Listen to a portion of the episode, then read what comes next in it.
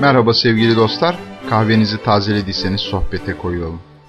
Baharın geldiğini nasıl anlarsınız diye soruyor Sayın Doğan Hızlan bir yazısında. Sonra da cevapları sıralıyor. Yeşeren ağaçlardan, çimenlerden, badem çiçeklerinden, erguvanlardan. Ama çocukluğunun adlarını saymayı sevdiği çiçeklerinin kaybolmasından dertli Hızlan eski İstanbul evlerinin bahçesinden yola taşan leylakları, kokladığınızda burnunuzu sarıya boyayan zambakları arıyor baharı anlayabilmek için. O zaman da kendince başka bir çiçek bahçesi arıyor ve gökyüzüne çeviriyor gözünü. Sonra da soruyor tekrar.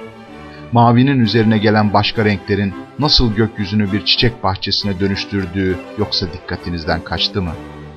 Ve teşhisi koyuyor. Öyleyse uçurtmaları seyretmiyorsunuz. Gerçekten de üç çıta bir kağıt demek değil uçurtma. Bir spor, sokak oyunları kültürümüzün en eskilerinden birisi. Doğayı sevebilme, sosyal olabilme yeteneği ve çocukluğumuzun güzel günlerinin renkli, havalı hatırası aynı zamanda. İngilizce'de kite aynı zamanda zarif bir yırtıcı kuş olan çaylak anlamına geliyor eşkenar üçgen, altıgen, dörtgen gibi geometrik şekillerde yapılabildiği gibi hepimizin hayranlıkla izlediği balık, kuş, yılan, ejderha, kelebek, lamba veya yöresel şekillerde de yapılabiliyor.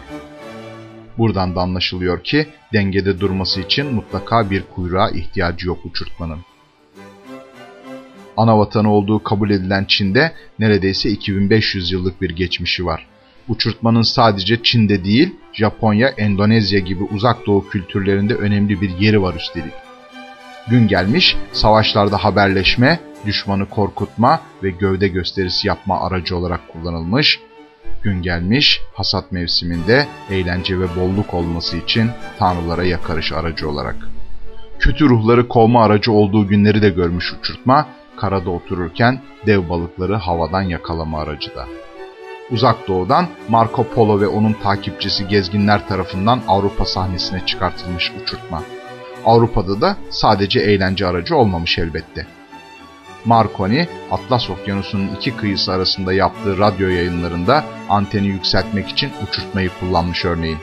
1906'daki San Francisco depreminin sonuçları da uçurtma kullanılarak fotoğraflanmış. Niagara Şelalesi'nin üzerindeki ilk köprünün halatları karşıdan karşıya yine uçurtma sayesinde geçirilmiş.